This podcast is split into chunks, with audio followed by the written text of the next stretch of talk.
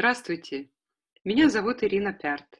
Вы слушаете подкаст «Живое образование», который подготовлен для вас Фондом целостного образования, созданного при школе Святого Яна Богослова в городе Таллине. Фонд поддерживает инициативы, направленные на поддержку целостного и гармоничного обучения и развития детей. Сегодня я беседую с Гузель Гурдус, генеральным директором Центра поддержки семейного образования – призванного помогать семьям, выбравшим альтернативный путь обучения детей. Четверо из пятерых детей в семье Гузель также обучаются по этой альтернативной форме. Гузель, здравствуйте. Здравствуйте, Ирина, здравствуйте. А, Гузель, пару слов для начала. Как вы и ваша семья справляетесь с режимом самоизоляции? А, Добрый день еще раз. А, да, режим самоизоляции у нас тоже введен в нашей стране, а, и э, могу сказать, что э, у нас на первом этапе не сильно что изменилось, потому что а, ну, наши дети обучались дома, и, в общем, ничего не изменилось в этом плане по отношению к тому, что они как учились, так и продолжали учиться. Единственное, что поменялось закончились а, дополнительные занятия для них, а, то есть это музыкальная школа, футбол, э, там фехтование, вот, а для меня, у меня работа дистанционная, ничего не поменялось пока и экономически тоже вроде пока все идет так же.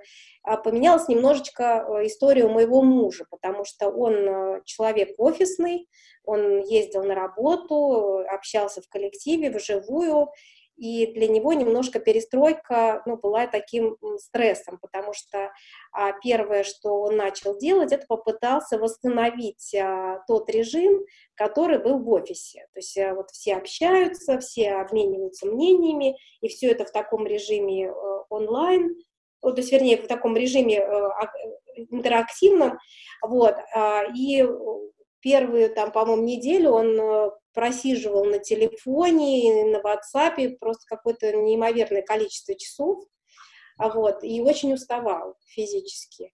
Но я думаю, что это проблема, потому что изначально э, работа была построена под э, офисный режим, а наша работа, например, моя работа, подстроена под дистанционный режим. И э, понятно, что очень много делегируется человеку, который находится на той стороне, э, много свободы предоставляется, и рассчитываешь на его ответственность. Ну и просто сам порядок уже общения, он немножко другой. То есть э, вам не нужно выходить э, в постоянный какой-то интерактив, то есть постоянно общаться с сотрудниками. Вы имеете какие-то дедлайны, на которые вы выходите на связь и делитесь тем, что произошло, как двигаются те задачи, которые были поставлены, как они идут, как продвигаются. Поэтому, а, если говорить о семейном образовании, то семейники, как, а, ну, наверное, грустно, не грустно, оказались самыми подготовленными к этим изменениям и быстро адаптировались, и для них такого большого стресса, скажем, не произошло, как для людей, наверное, которые каждый день куда-то ходили на работу, в школу, вот. И другая проблема, которая, мне кажется, то, что я увидела в первые там две недели, то, что школы и родители попытались, э, э, там те же школы попытались э, восстановить школу дистанционную. И это привело к каким-то глобальным ошибкам, на мой взгляд, и перегрузкам, как со стороны рабочего коллектива, так и со стороны, мне кажется, и детей, что там по 4-6 э, часов дети были перед экранами, э, те проблемы, которые озвучивали вот родители. И очень много домашнего задания задавалось, э, что тоже требовало а, большой вовлеченности родителей, которая при школьном образовании всегда была минимизирована. Вот. А тут, значит, родитель должен был почему-то тоже перестроиться, вовлечься во весь этот процесс, вникнуть. Э, ну, то есть это такой был стресс и для школьников, мне кажется, и для родителей, и для людей, которые работали в офисе. Но у нас, э, вот я говорю, что, слава богу, мы как-то оказались самыми подготовленными. Э, спасибо. Это очень интересно а, увидеть параллель между взрослыми, которые, эм, так сказать, уже работали на дистанционном, эм, в дистанционной форме и детьми, да, у которых тоже есть такой опыт. Вот, и, и как вы э, говорите, в вашей семье действительно можно увидеть примеры э, вот и того, и другого, и посмотреть, как, как адаптируются люди.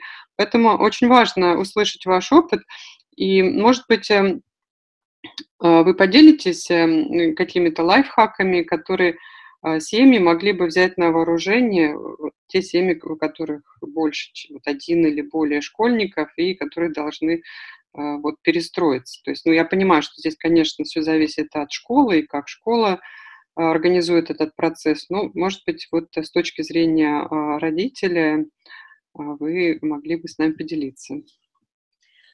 Да, и, Ирин, я думаю, что это, наверное, даже будет правильно, потому что мы-то прош... мы все равно прошли через это, да, то есть вот мои дети, они тоже учились в школе, и когда мы пришли домой учиться, то у нас были похожие проблемы, которые сейчас исп... испытывают родители.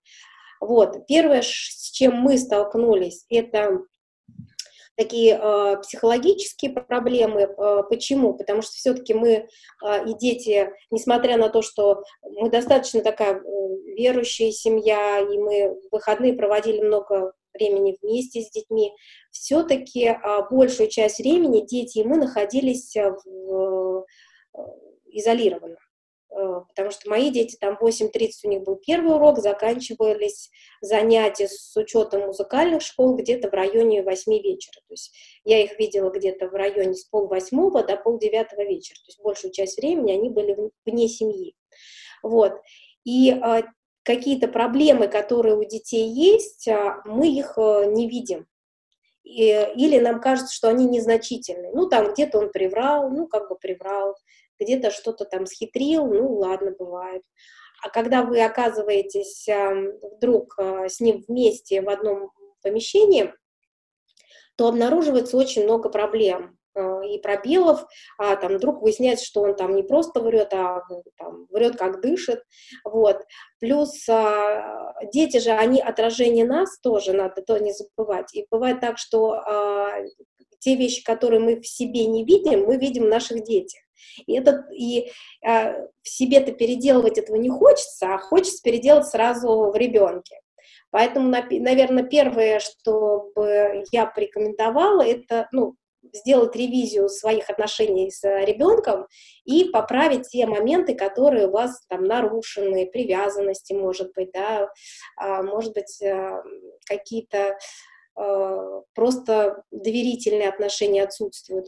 То есть первое, вот э, это, это, это важный момент, это фундамент, потому что вот даже замечательный э, спикер, который выступал у нас в прошлом году в НКСО, Филипп Мамалакис, он тоже говорил о том, что а, первое, это, конечно, отношения. Если ребенок не привязан к родителям, то требовать от него обучения или соблюдения, соблюдения режима, ну, это ни к чему не приведет, это будут такие слова в пустоту. Вот. А, поэтому очень рекомендую провести вот эту ревизию, может быть, познакомиться с какой-то дополнительной литературой. Замечательная книга там того же Филиппа Мамалакиса, раз уж второй раз упомяну его в Суе. Вот. А второе — это ревизию, э, если вы оказались э, уже дома, ревизию знаний. Потому что иногда у нас ощущение, что ребенок ходит в школу, он все знает. И там ему точно дают хорошие знания, но не всегда так. Когда мы перевели первых наших детей, мы обнаружили, что иногда даже за пятерками э, бывает просто пустота. Ну, по какой-то причине. Там ребенку не нравился преподаватель, не нравился предмет, а вроде как бы формально он какие-то оценки получал, а знаний за этими оценками нет. А вот ревизия знаний позволит а, понять, какие пробелы нужно решить, и, может быть, сконцентрироваться сначала на этом этапе а, решения вот этих проблем. Второй э, такой момент э, по поводу если мы говорим о ревизии второй, это выстраивание дистанционного образования. Вот на нашей практике э, мы поняли одну вещь. А ребенок усваивает материал, если это дистанционный какой-то преподаватель, лектор или еще что-то, это не более час-полтора. Поэтому, если у вас идут какие-то дистанционные занятия или какие-то репетиторы, то мы рекомендуем, чтобы это было не более полутора часа, потому что дальше все это будет никуда. А, даже хороший фильм, если он идет два часа, поймите, тяжело высматривать. А если это просто говорящая голова, даже это если харизматичный лектор, все равно это тяжеловато. Поэтому вот, э, мне кажется, здесь вот не надо быть супергероями, и надо попытаться все свести к какому-то нормальному, адекватному а, общению в каком-то объеме только. Ну и э, домашние задания. Вот многие учителя сейчас, школьников, они очень много да, задают домашних заданий. Говорят, ну вот вы сейчас там там учитесь и так далее. Родители, видя эти все горы домашних заданий, подбегают к ребенку, начинают там делать какими, какие-то пазы руками и говорить, ну давай учись. Но дело в том, что э, вот то, что мы столкнулись, да, в первый тоже э, период, когда перевели детей, у ребенка была определенная система, механизм познавания знаний у него школа была встроена в этот механизм, да, то есть ему преподаватель давал какие-то знания, он их заучивал, как-то там анализировал, и обратная связь была домашнее задание. То а, здесь а, процесс познавания построен почти как у взрослого, как в жизни. Ребенок должен ответить на вопрос, как, какой предмет, а, значит, а подобрать источники, с какой периодичностью, как он будет заниматься этим предметом. То есть вот как мы работаем, как мы ставим задачи на работе, но в реальной жизни, а, идет определенная последовательность шагов. То есть это инструмент, познавания, да, то есть инструмент образования. И если у ребенка его нет, то не надо от него ожидать, что он будет у вас вдруг раз удариться обзем и начнет учиться. Потому что есть в, в теме мотивации, да, когда дети говорят, вот у него нет мотивации. Если ребенок не умеет учиться как инструмент, то от него этого ожидать и не нужно. Потому что есть инструмент, а есть его как бы желание, ну, сила воли, грубо говоря.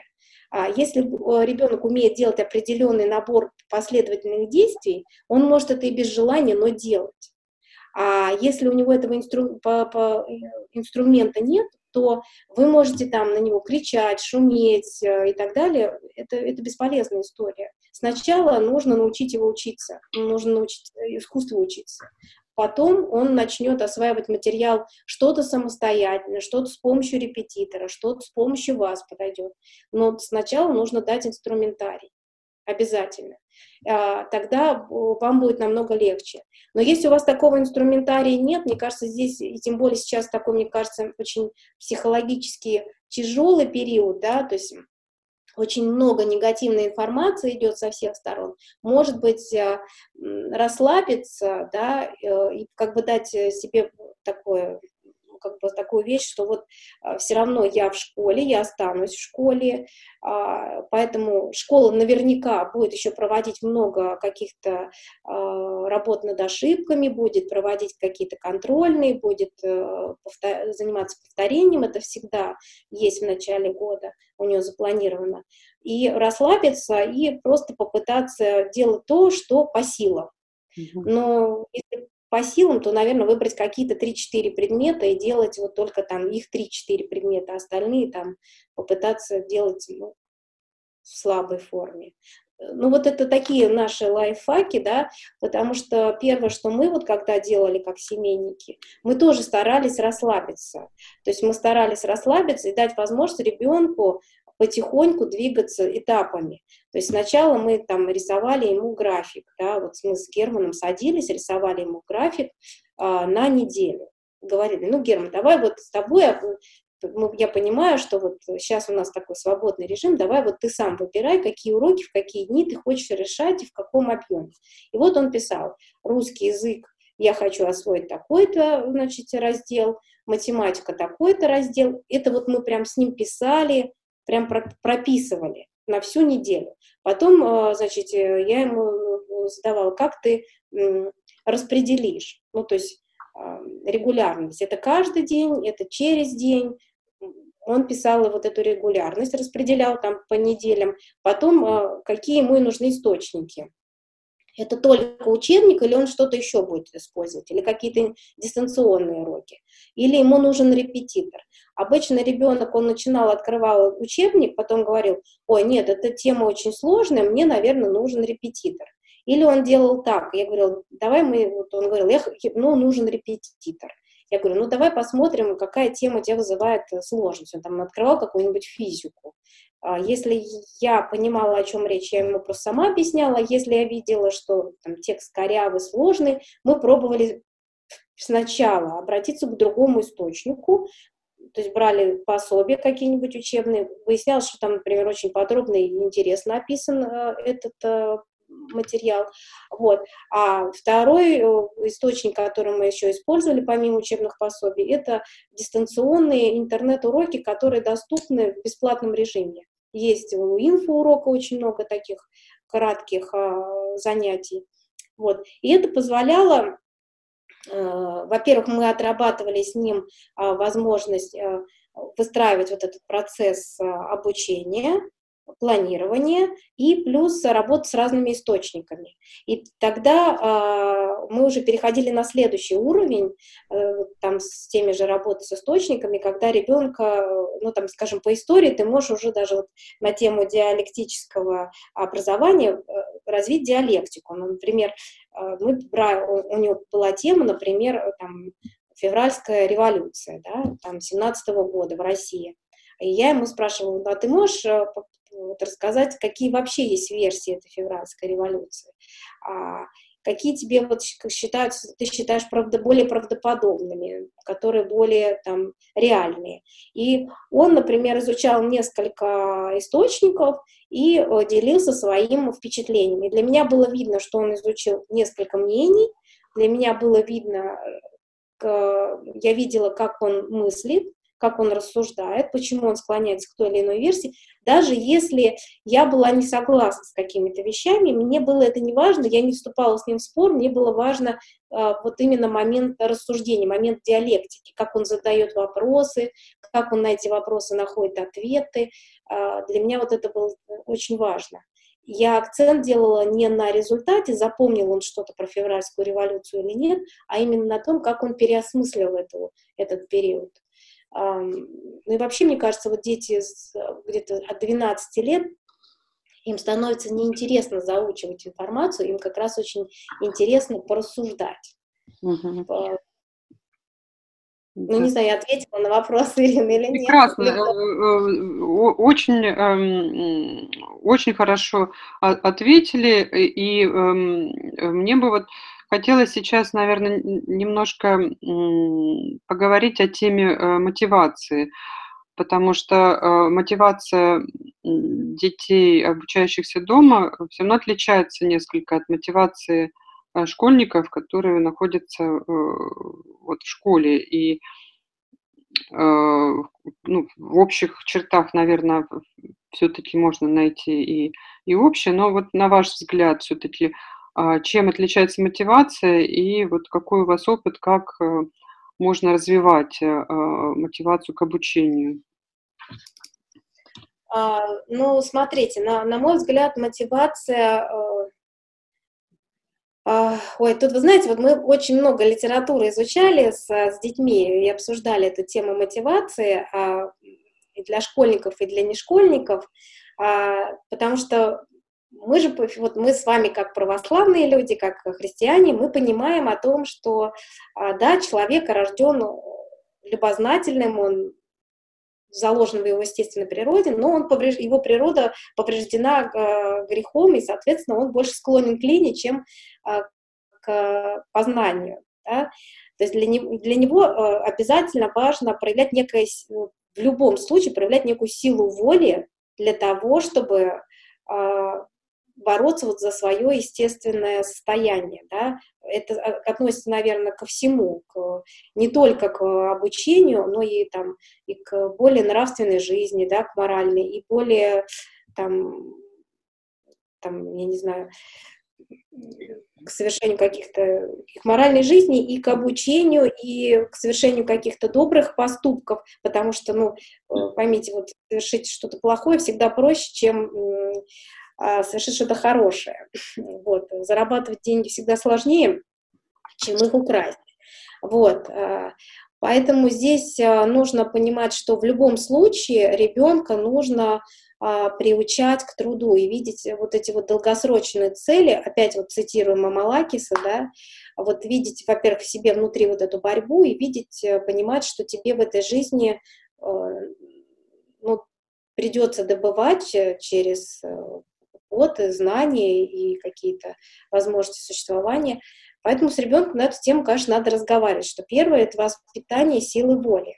В этом плане, наверное, христианам проще, потому что сила воли у нас воспитывается через а, постоянные э, э, инструменты, которые дает церковь. Это исповедь, да, когда ты можешь проанализировать свои поступки, постараться их исправить. А, и, э, и плюс вот посты, когда ты можешь себя в чем-то ограничивать, это тоже воспитание силы воли. Вот. Для светских людей ну, таким инструментом может быть, скажем, тот же спорт, который тоже воспитывает силу воли и дает вот этот эффект отсроченной радости. Вот. Это психологический аспект первый, вот если мы говорим про мотивацию. Вторая вещь, если мы же говорим все-таки про образовательный процесс, то здесь очень важно а, ребенку, а, что школьнику, что не школьнику, показать, а, как же происходит а, процесс познания да, то есть показать вот эти шаги, вот, э, учиться, как, как можно учиться, как мы учимся, да, а, вот эм, там, какие этапы. Ну, например, э, родитель, как он ставит себе задачу? Он формулирует себе задачу, например, мне нужно там что-то там, выучить или что-то до, чего-то добиться. Вот. А потом он определяет этапы, как он эти будет, э, как он будет добиваться, как он к этому будет идти. А, то есть он пишет себе, как я буду это делать, а, сколько, временные ресурсы, там, э, там другие ресурсы и когда. Вот. А, что, как, сколько, когда. Вот так э, мы ставим себе задачу. Ребенок, э, будучи в школе, э, ему все делает школа. Да, то есть она определяет объемы, она определяет что, где, когда, сколько, определяет школа. Ребенок в этом процессе не участвует. У меня вот сын участвовал в рождественских чтениях, он выступал, я говорю, ну вот выступи, у него подростковый период сейчас такой, и он такой говорит, ну я, говорит, твое семейное образование рекламировать не буду. Я говорю, прекрасно, такой сейчас период критика, я говорю, ты можешь рассказать, что тебе там не нравится там, в семейном образовании или нравилось в школе, например? И он вышел и говорит, мне вот в школе вообще учиться нравилось, потому что там все было расписано. Там было уже готовое расписание, там были расписаны, какими учебниками пользоваться, все домашние задания мне тоже писали, я только там выполнял домашку, при том я знал, в какой параграф мне пойти посмотреть и повторить, если я что-то не понимаю вот я просто о, о школьной истории. А ребенок, когда э, сейчас сталкивается вот с современным миром, ему все-таки нужно постепенно, в зависимости от возраста, показывать вот все этапы умения учиться э, и менять систему образования по, под возраст. Ну, например, э, если мы говорим когда, да, самодисциплина. То есть 6-12 лет — это как раз э, тот период, когда ребенка мы учим составлять расписание, учим выполнять это расписание, ответственности. Только мы идем, получается, уже, если родитель идет сверху вниз, да, то есть он с постановки задачи идет к самодисциплине, то ребенка мы должны снизу вверх то есть мы учим его сначала, давай, даем какие-то короткие истории, вот расписание. Потом а, э, нужно сколько, да, мы начинаем его привлекать уже, а, какими ресурсами он будет пользоваться, сколько времени он может на это выделять. Вот. И а, таким образом он уже к, к окончанию школы, он понимает, что а, вот эти этапы для познания присутствуют. Это просто инструмент, Ирина, вот чтобы вы понимали, этому инструменту надо научить. А дальше есть психологический аспект, что тебе эти этапы нужно проходить. Иначе все твои цели это будут просто мечты. Если я буду там думать, что вот мне надо а, прикрепить в этом году к дистанционному а, аттестации там 100 человек, вот, и ничего для этого делать не буду, я не прикреплю, я не выполню свой план, это будет просто моя некая мечта. А, для этого я должна понимать, вот мне нужно сделать вот такие-то шаги. Вот, и я их должна спланировать, и в конце концов это вырастет какой-то мой график в мое расписание. То же самое с детьми. Вы начинаете, правда, с расписания, а потом потихонечку вы начинаете, э, у вас расширяется круг его ответственности когда он уже расписание составляет сам, источники подбирает сам, а, сам уже ставит задачу. Вот мои дети уже вот в девятом классе и в одиннадцатом, они уже сами подбирают, составляют расписание, сами выбирают источники, сами определяют, нужен какой-то дополнительный источник и, или нет. То есть э, я, моего участия там практически нет. Я могу только контролировать, или э, быть советчиком им в, в, в этом процессе. Вот. В школе тоже надо, мне кажется, вот перестраиваться. То есть вот у нас же получается грамма... один грамматический период. Мы зазубриваем, заучиваем, доносим до школы и выбрасываем, забываем. А школа должна меняться под, э, под возрастную психологию. То есть должен быть период там грамматический, должен быть период диалектический, но опять-таки ребенку нужно давать инструменты для диалектики, если говорить об этом. То есть он должен уметь задавать вопросы, уметь на эти вопросы отвечать, уметь сам же эти вопросы оспаривать, то есть должна, должны быть инструменты диалектики, и познание здесь должно устроиться не просто на зазубривании, а на диалектической части. Вот я говорю своим детям, задачу ставлю не просто рассказать мне, там, я не знаю, про отречение царя Николая, а, да, период отречения, а, например, я говорю, вот, а ты можешь э, вот, э, написать доклад на тему того, было отречение или нет? Ему уже интересно. Вот мотивация строится из того, что здесь какая-то интрига, что ему надо провести какое-то свое расследование, но это диалектический период, да, то есть это ди- диалектика. Вот. И здесь мотивация должна строиться, вот, может быть, даже в такой почти игровой форме. То есть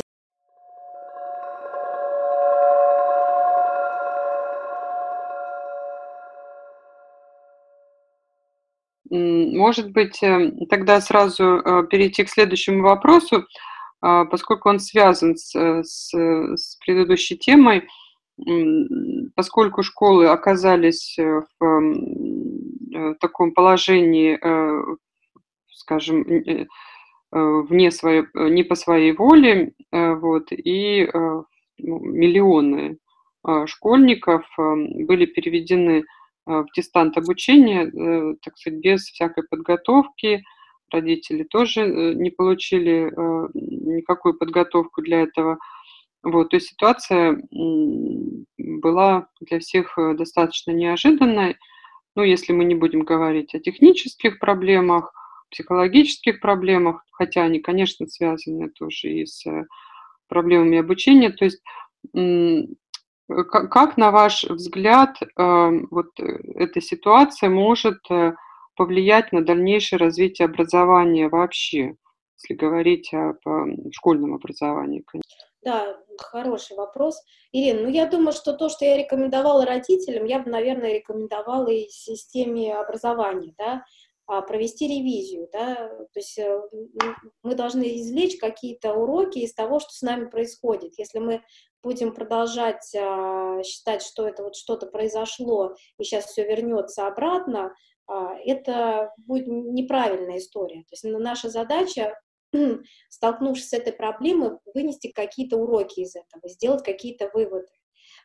А выводы пока плачевные, да, то есть что дети не всегда, э, ну, во-первых, они не мотивированы самостоятельно учиться, а они не привиты к самодисциплине и самоорганизации, а, соответственно, надо подумать.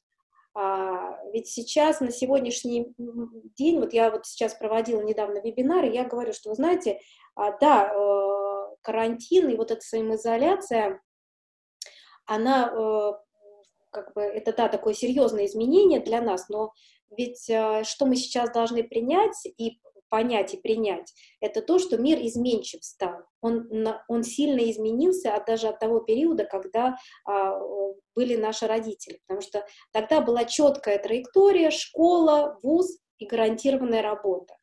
А сейчас а, ситуация изменилась кардинально. А, эта траектория не гарантирует тебе работу и не гарантирует качественную работу.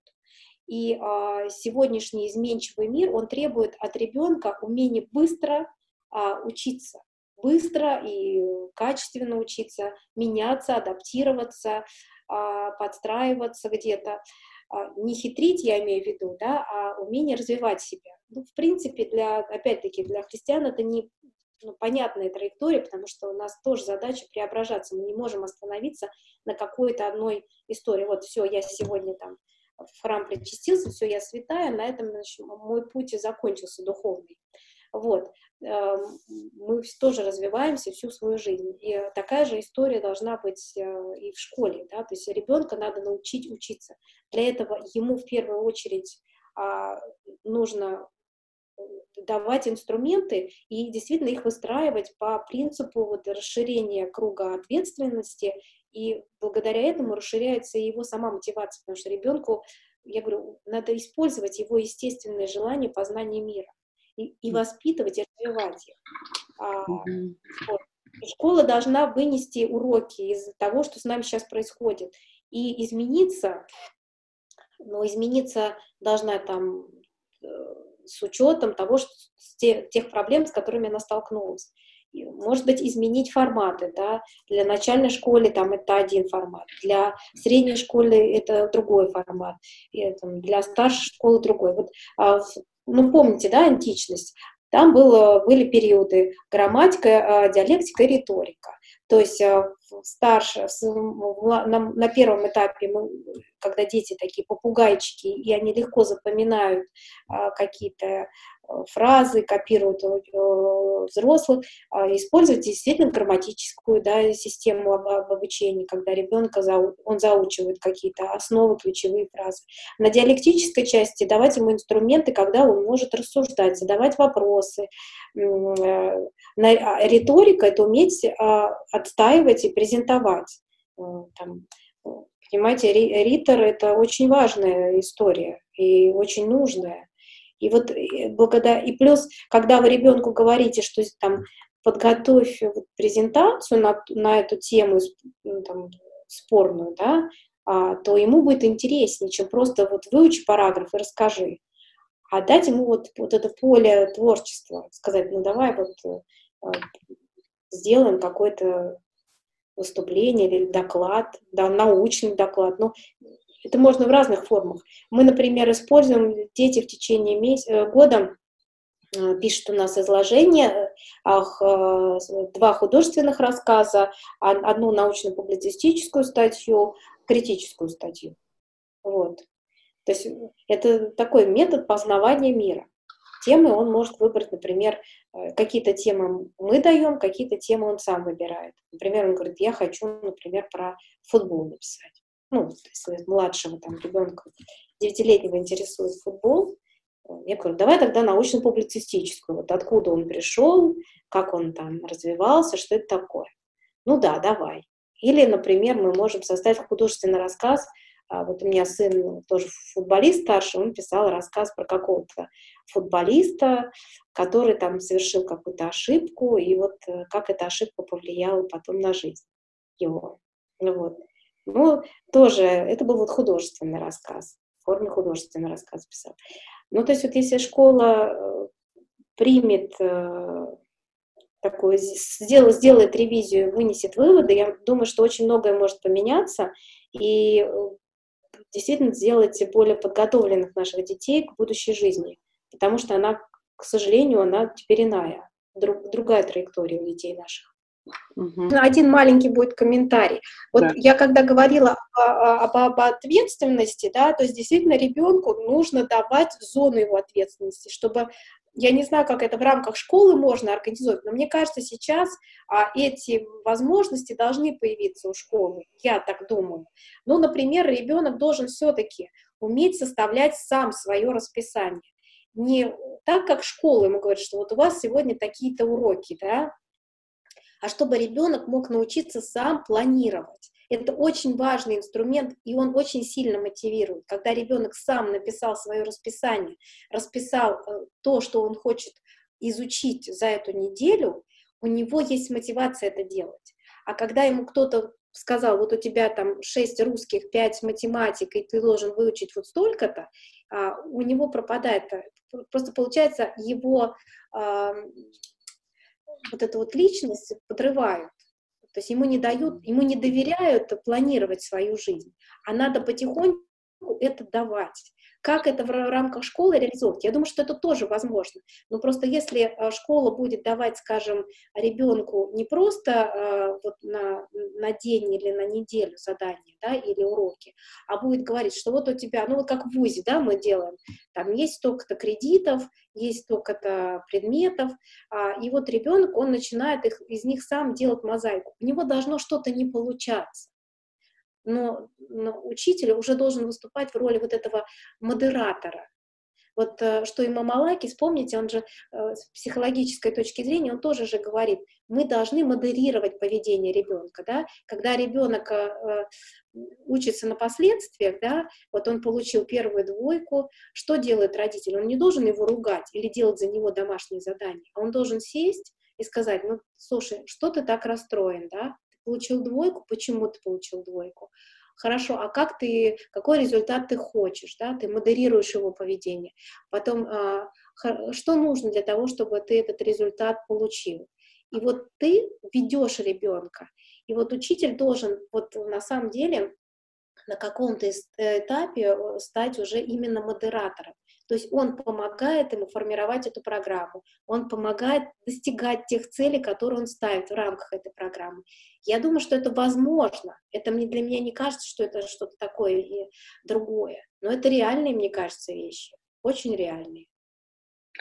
Замечательно. А, большое спасибо, Гузель. Это, эм, мне кажется, важно будет учесть, когда мы будем так сказать, заниматься а, анализом и э, результатов вот этого периода, такого вынужденного периода, и действительно а, уже, может быть, не вступать дважды в ту же реку, э, то есть я говорю о нас, об учителях э, работающих в школах, а, так сказать, может быть, идти дальше и смотреть действительно на мир, как вы сказали, стремительно меняющийся, и помочь нашим детям э, в этом мире адаптироваться.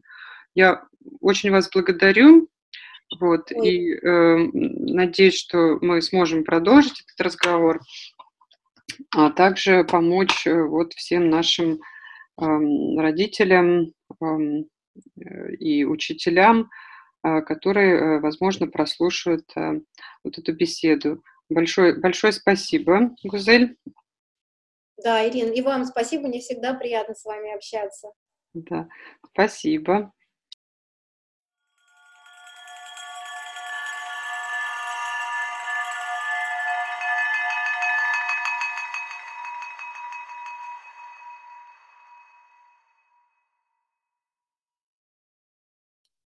Спасибо, что дослушали до конца выпуск подкаста «Живое образование». Больше информации о нас можно получить по ссылке в описании. Оставайтесь с нами и подписывайтесь на наш подкаст, чтобы слушать новые эпизоды.